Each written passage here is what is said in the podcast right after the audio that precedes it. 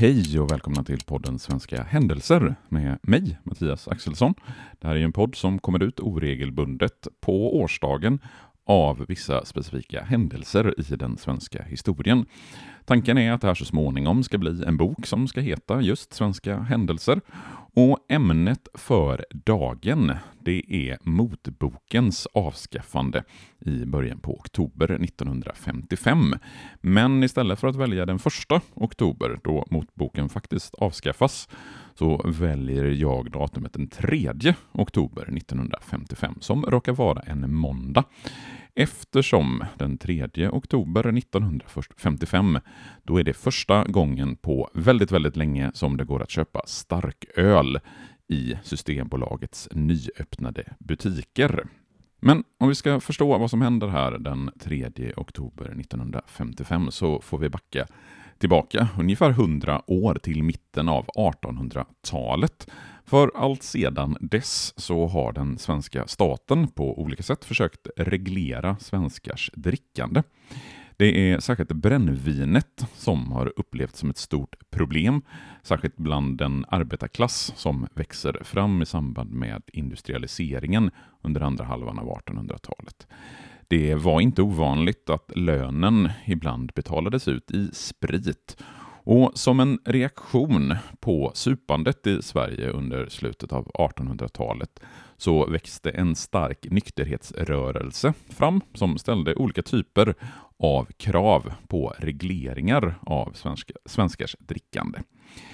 Ett krav från delar av nykterhetsrörelsen det var ett totalförbud för försäljning av alkohol. Ett eh, förbud som bland annat senare infördes i USA 1920 och som fanns i USA under ett drygt årtionde.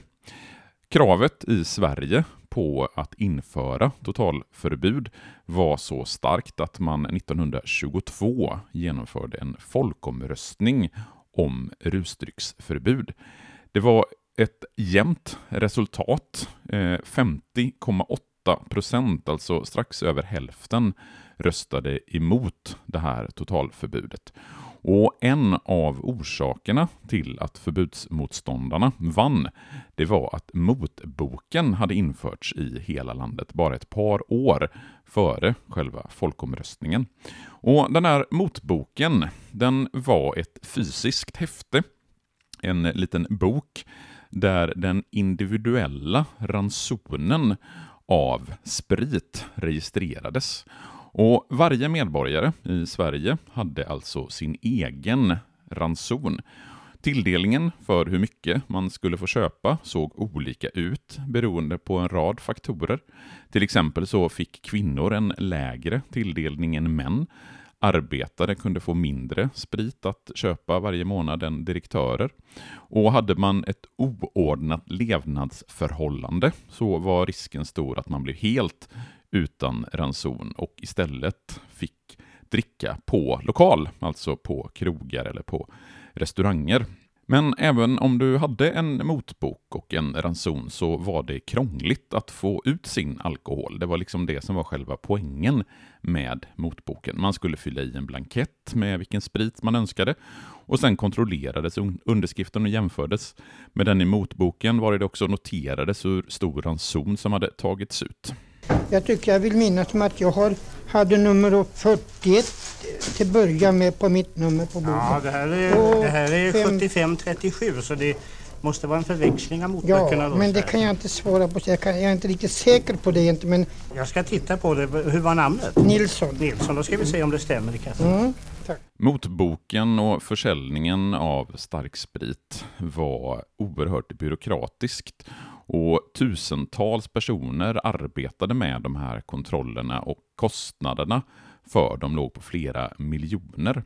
Dessutom så fanns det ett starkt inslag av diskriminering. Till exempel om en arbetare köpte en finare konjak så kunde han bli av med sin motbok eftersom kontrollanterna då menade att en arbetare inte fick dricka så fin sprit.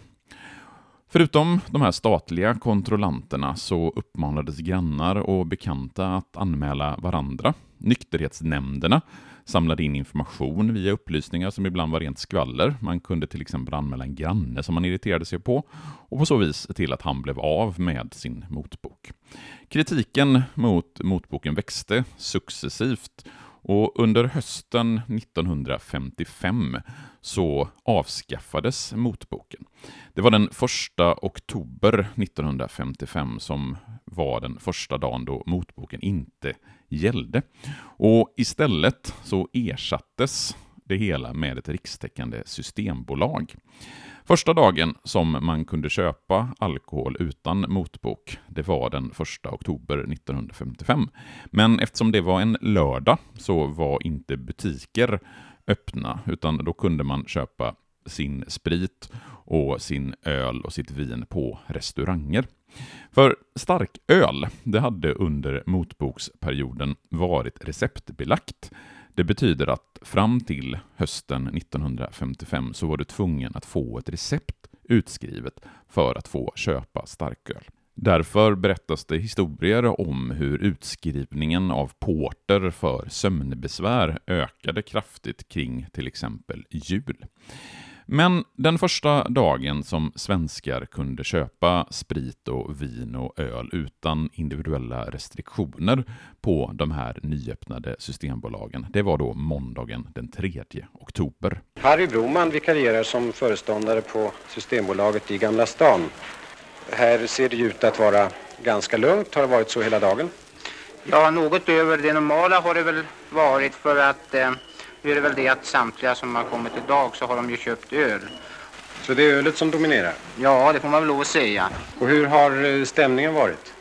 Ja, samtliga kunder tycker jag för min del har varit gladare på alla sätt än vad de brukar vara i vanliga fall. För att ingen som har knotat hade gått för sakta utan alla var glada och trevliga. Stämningen var alltså god och så här rapporterade Svenska Dagbladet från ett av systembolagen i Stockholm. När butikerna stängde klockan 18 gapade starkölshyllorna tomma. Det svenska burkölet var slut, det danska, engelska och tyska på flaskor likaså och det svenska flaskölet definitivt på upphällning. Och att eh, det var just starköl som efterfrågades, det var ju just av den anledningen att fram till 1955 så kunde man bara köpa starköl på recept i Sverige. Under åren som följde efter motbokens avskaffande så ökade totalkonsumtionen av alkohol i Sverige markant. Men det som ökade mest det var starköl och vin. Konsumtionen av sprit, som var det som hade reglerats av motboken, ökade knappt alls och har sedan 1980-talet stadigt sjunkit. Men den 1 oktober 1955 så avskaffades alltså motboken och den 3 oktober 1955 var första dagen som det gick att köpa starköl och sprit utan en individuell ranson på de nyöppnade systembolagen. Svenska händelser kommer komma så småningom som en bok. svenskahandelser.se kan man gå in på om man vill följa det löpande arbetet med boken. Så hörs vi igen när vi hörs, när jag tycker att det är läge att göra ett nytt avsnitt. Ha det så bra tills dess. Hej då!